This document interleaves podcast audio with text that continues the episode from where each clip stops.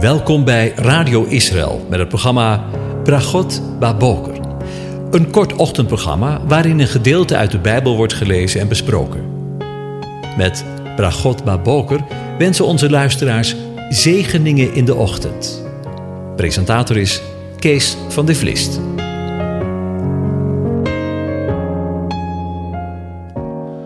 Goedemorgen, luisteraars. Vanmorgen gaan we weer verder met Psalm 68. En ik lees nog één keer de hele psalm met je voor. Overwinningslied. Een psalm, een lied van David voor de koorleider. God staat op. Zijn vijanden worden overal verspreid. Wie hem haatte, vluchtte voor zijn aangezicht. U verdrijft hen, zoals rook verdreven wordt, zoals was smelt voor vuur. Zo komen de goddelozen om voor Gods aangezicht. Maar de rechtvaardigen verblijden zich. Zij springen op van vreugde voor Gods aangezicht en, voor zijn, en zijn van blijdschap vrolijk. Zing voor God. Zing psalmen voor zijn naam. Baan de wegen voor hem die door de vlakke velden rijdt. Want, Heere, is zijn naam. Spring op van vreugde voor zijn aangezicht. Vader van de wezen en rechter van de weduwe, dat is God in zijn heilige woning. Een God die eenzamen in een huisgezin plaatst, die gevangenen uitleidt in voorspoed. Maar de opstandigen wonen in een doorland. O God, toen u voor uw volk uittrok, toen u voortschreed door de wildernis, zo beefde de aarde toen ook droop de hemel voor Gods aangezicht. Zelfs de Sinaï beefde voor het aangezicht van God, de God van Israël. U hebt zeer milde regen doen druipen. O God, u hebt uw eigendom versterkt toen het uitgeput raakte. Uw volk woonde daar. U maakte uw heiligdom door uw goedheid gereed. Voor de ellendige, o God, de Heere gaf stof tot spreken. De boodschappers van goede tijding vormden een groot leger. De koningen van de legermachten vluchtten weg. Ze vluchtten weg. Zij die thuis bleef, deelde de buit uit. Al lag u tussen twee rijen overstenen, toch zult u schitteren als de vleugels van een duif, overtrokken met zilver en zijn veren met bewerkt groen glanzend goud. Toen de Almachtige de koningin in het land overal verspreidde, versneeuwde het op de berg Salmon. De berg Bazan is een machtige berg. Letterlijk staat er, de berg van God. De berg Bazan is een berg met veel toppen. Waarom, gebergte, met al die toppen, kijkt u met afgunst naar de berg die God als zijn woning heeft begeerd? Ja, de Heere zal er voor altijd wonen. De strijdwagens van God zijn tweemaal tienduizend, ontelbare duizenden. De Heere is bij hen. Een Sinaï in heiligheid. U bent opgevaren naar omhoog. U hebt gevangenen weggevoerd. U hebt gaven genomen om uit te delen onder de mensen, ja, ook aan de opstandigen. Ja, ook aan de opstandigen, om bij u te wonen Heere God. Gelooft zij de Heere dag aan dag overlaat hij ons. Die God is onze zaligheid. Die God is onze God van volkomen zaligheid. Ja, de Heere der Heren zijn uitkomsten tegen de dood. Ja, God zal de kop van de vijanden verpletteren, de harige schedel van wie met zijn onschuldige wandel doorgaat. De Heer heeft gezegd: Ik breng u terug uit Bazan. Ik zal u terug uit de diepte van de zee brengen. Opdat u uw voet aan kunt baden in bloed en de tong van de honden zijn deel krijgt van de vijanden. O God! Ze hebben uw intocht gezien, de intocht van mijn God, mijn koning in het heiligdom. Want de zangers gingen voorop de snarenspelers erachteraan en in het midden van de trommelende meisjes. Loof God in de samenkomsten, loof de Heere, u die voortkomt uit de bron van Israël. Daar is Benjamin, de kleine, die over hen heerste. Daar zijn de vorsten van Juda in hun gezelschap en de vorsten van Zebulon, de vorsten van Naphtali. O God, heeft uw kracht aan u geboden. Versterk, o God, wat u in ons gedaan hebt. Omwille van uw tempel in Jeruzalem zullen koningen u geschenken brengen. Bestraf de wilde dieren in het riet, de horde stieren en de kalveren van de volken. Hem die zich onderwerpt met stukken zilver. Hij heeft de volken uitgestrooid die vreugde vinden in oorlog. Vorstelijke gezanten zullen uit Egypte komen. Kus zal zich haasten zijn handen naar God uit te strekken.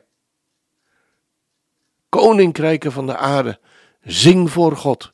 Zing psalmen voor de Heere. Die rijdt door de aloude hemel der hemelen. Zie, hij laat zijn stem klinken, een stem met macht. Geef macht aan God. Zijn majesteit is over Israël en zijn macht tot in de wolken.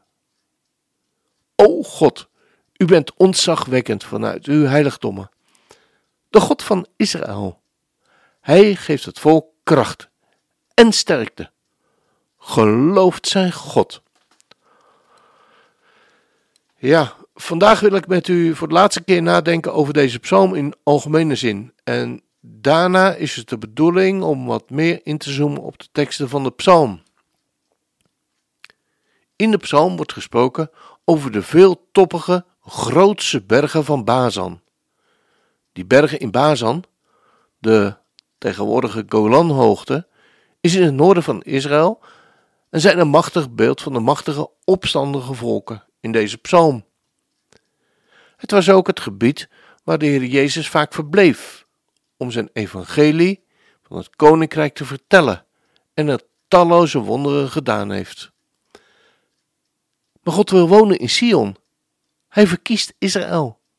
Daar, in het heiligdom, op de Sion, eindigt de tocht van de ark.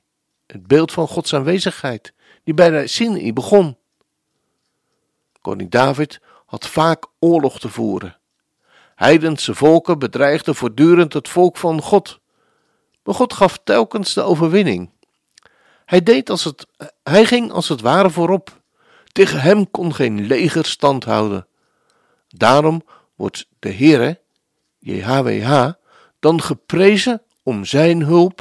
In de versen 25 tot en met 28 lezen we de feeststoet, de ere van het feit dat de ark Sion wordt opgedragen. Ik zal de versen lezen en let er daarbij op dat de ark hier een synoniem is voor de Heere God zelf. De ark is het beeld van Gods tegenwoordigheid zelf. O God, zij hebben uw intocht gezien, de intocht van mijn God, mijn koning, in het heiligdom. De zangers gingen voorop, de snarenspelers daarachteraan, in het midden van de trommelende meisjes. Loof God in de samenkomsten, loof de Heere die u voortkomt uit de bron van Sinai, van Israël. Daar is Benjamin de Kleine, die over hen eerste. Daar zijn de vorsten van Juda hun gezelschap, de vorsten van Zebulon en de vorsten van Naphtali. Ja, Psalm 68 is waarschijnlijk gedicht naar aanleiding van wat wordt verteld in 2 Samuel 6, waar we lezen dat David de ark naar Jeruzalem brengt. Ik lees een stukje aan je voor.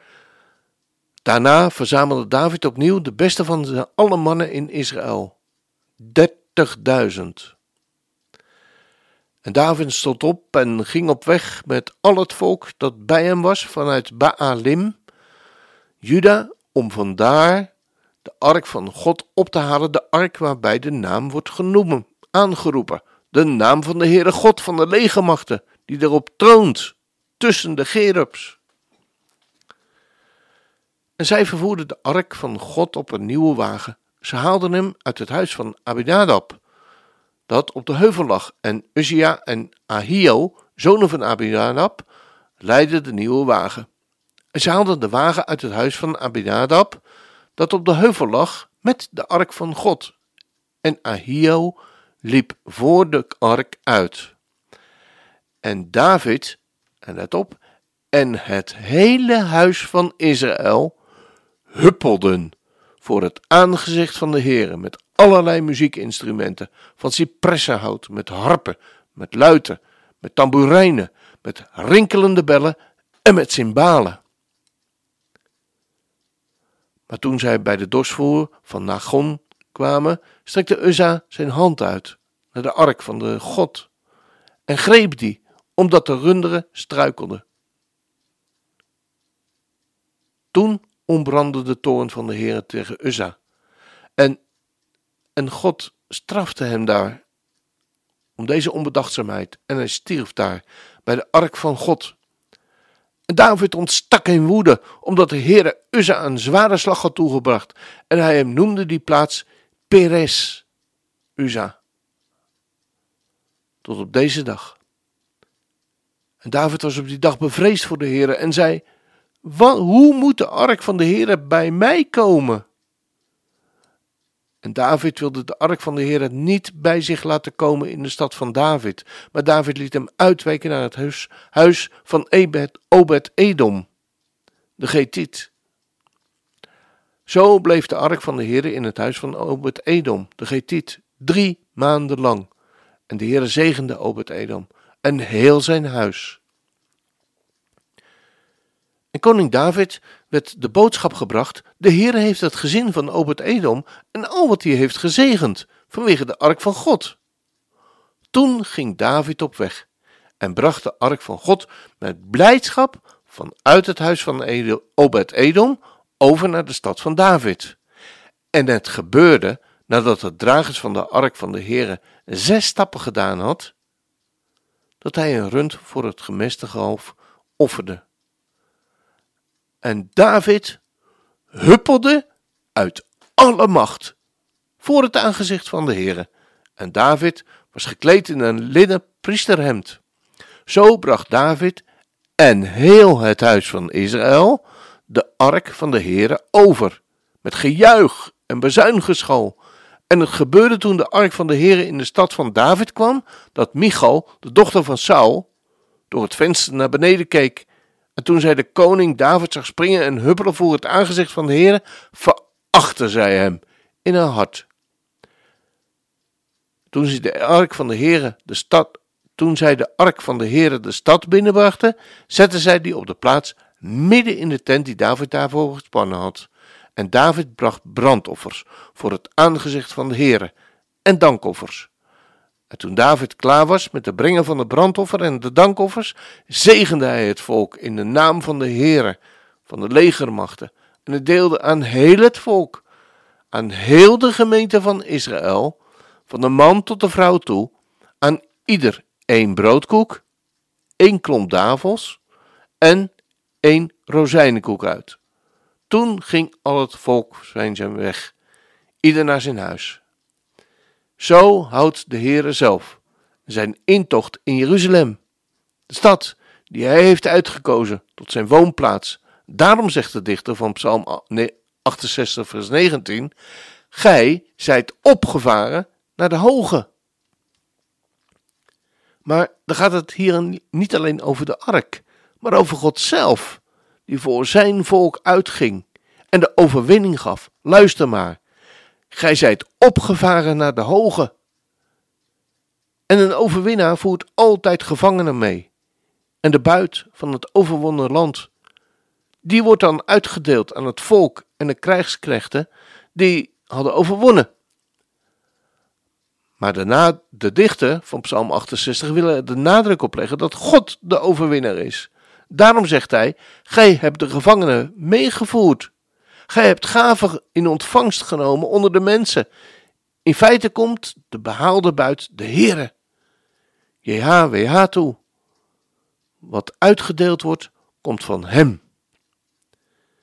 Bij de feestelijkheden rond de intocht van de ark deelde ook de koning David aan het volk geschenken uit. Heel het volk moest in de vreugde delen.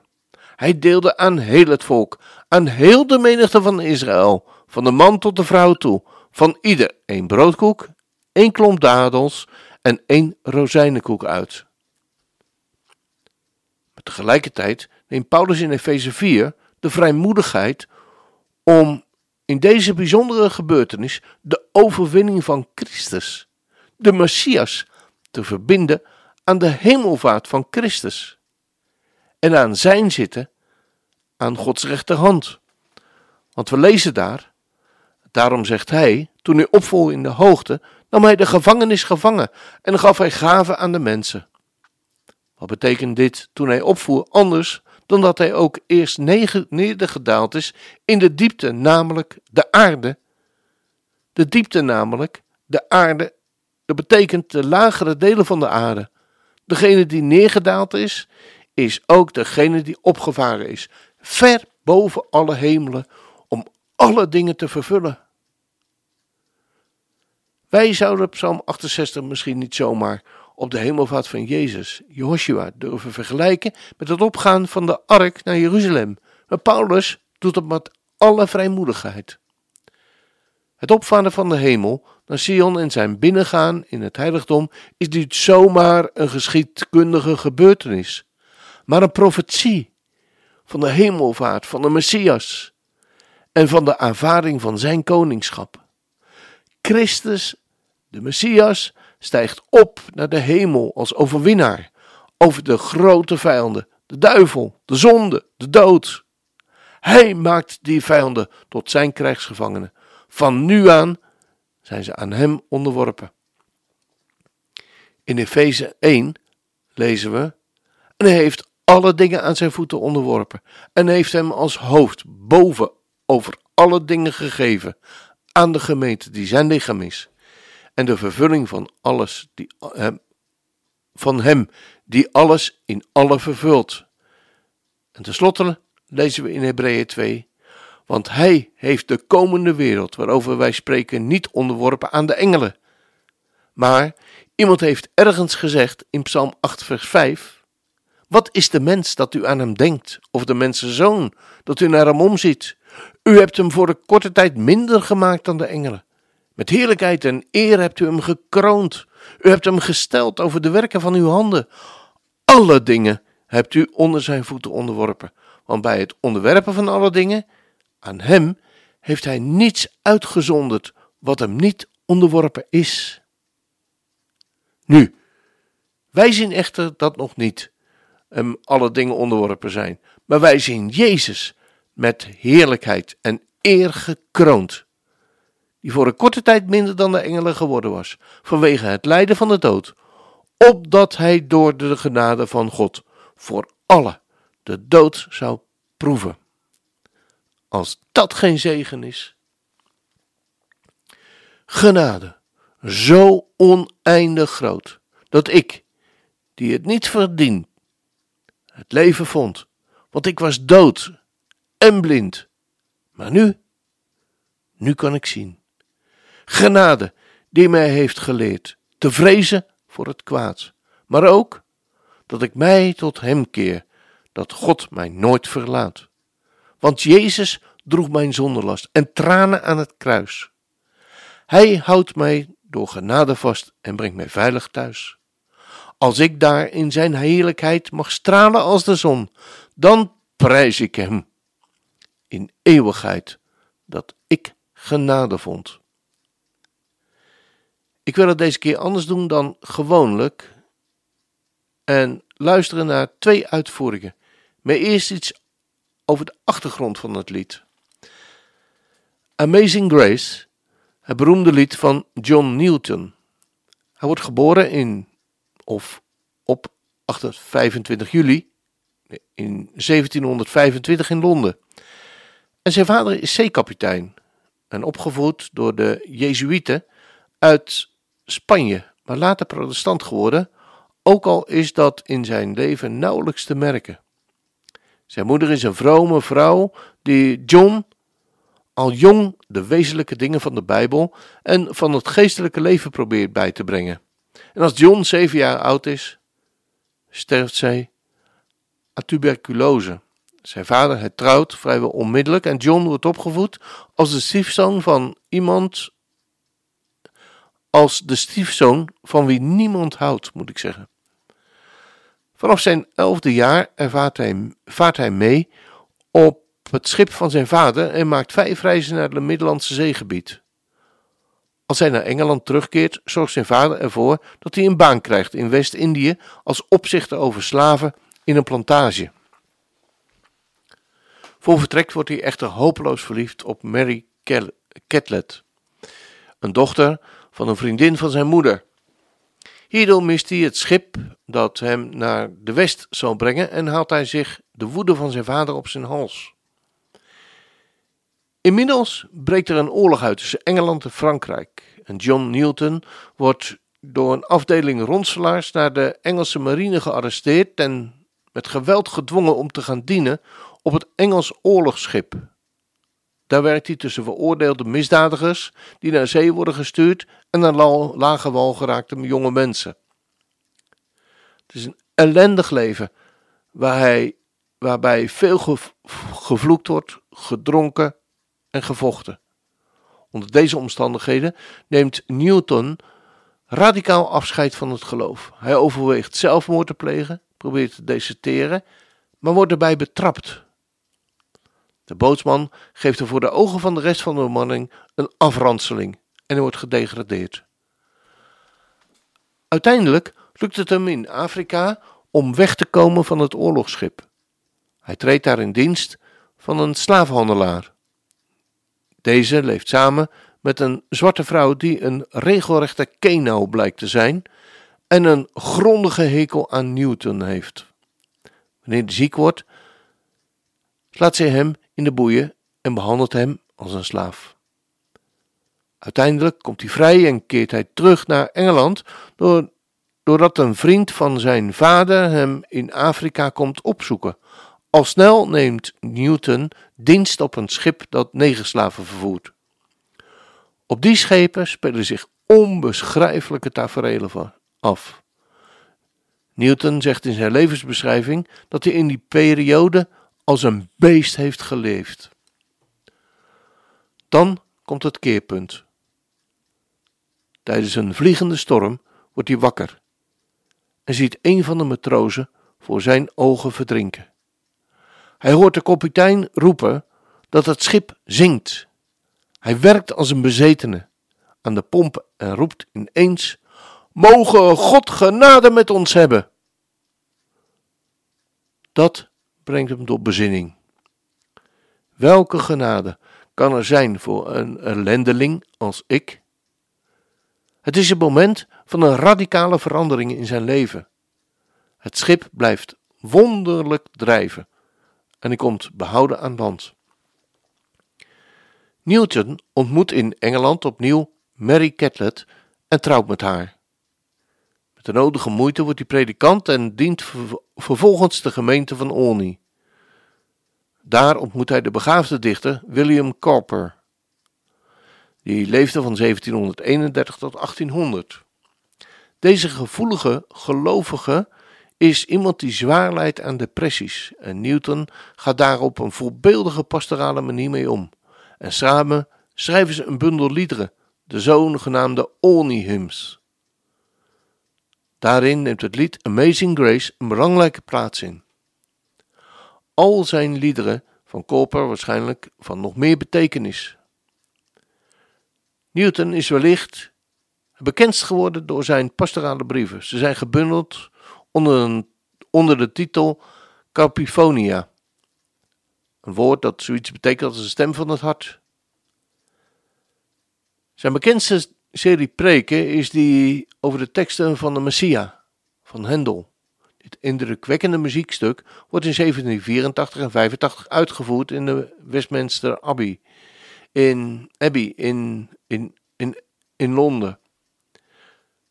Newton spreekt in die periode in nabijgelegen kerken en houdt een serie van 50 preken over de teksten van dit oratorium. Sommige van deze preken zijn in het Nederlands vertaald, overigens zonder de relatie met Hendels oratorium te vermelden.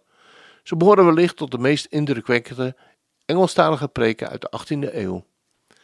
Veel predikanten zullen hun geloofsgeschiedenis, hun levensgeschiedenis, niet naast die van Newton kunnen leggen. Die is ook volstrekt uniek. Maar als het goed is, blijft er één kernpunt van overeenkomst: Amazing Grace, wonder van onverdiende genade. Daarover raakt de mens niet uitgezongen en nooit uitgepreekt. We gaan eerst luisteren naar een Nederlandse vertaling van het lied. En als tweede en als laatste luisteren we naar een wereldberoemde vertolking door Aretha Franklin. Inmiddels neem ik nu afscheid van u en wens u God zegen toe voor deze dag.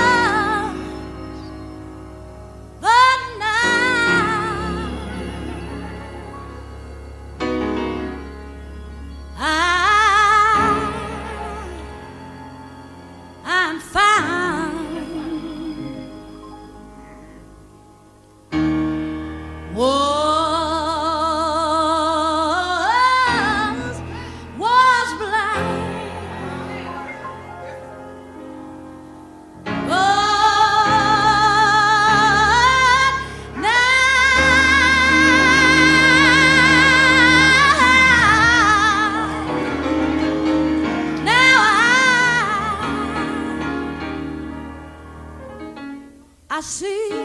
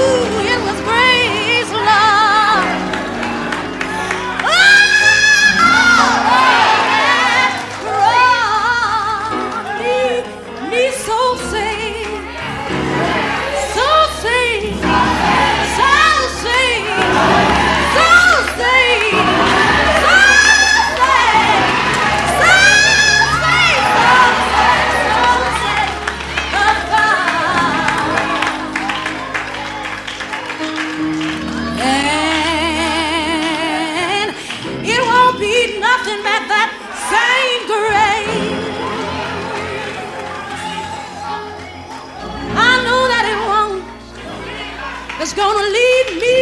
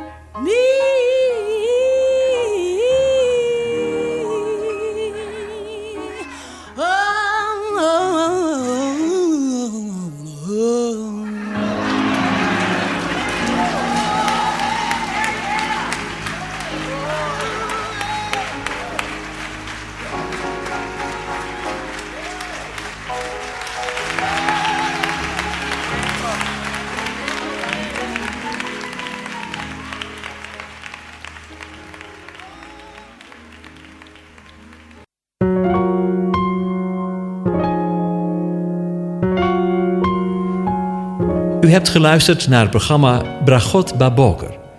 Een kort ochtendprogramma waarin een gedeelte uit de Bijbel wordt gelezen en besproken.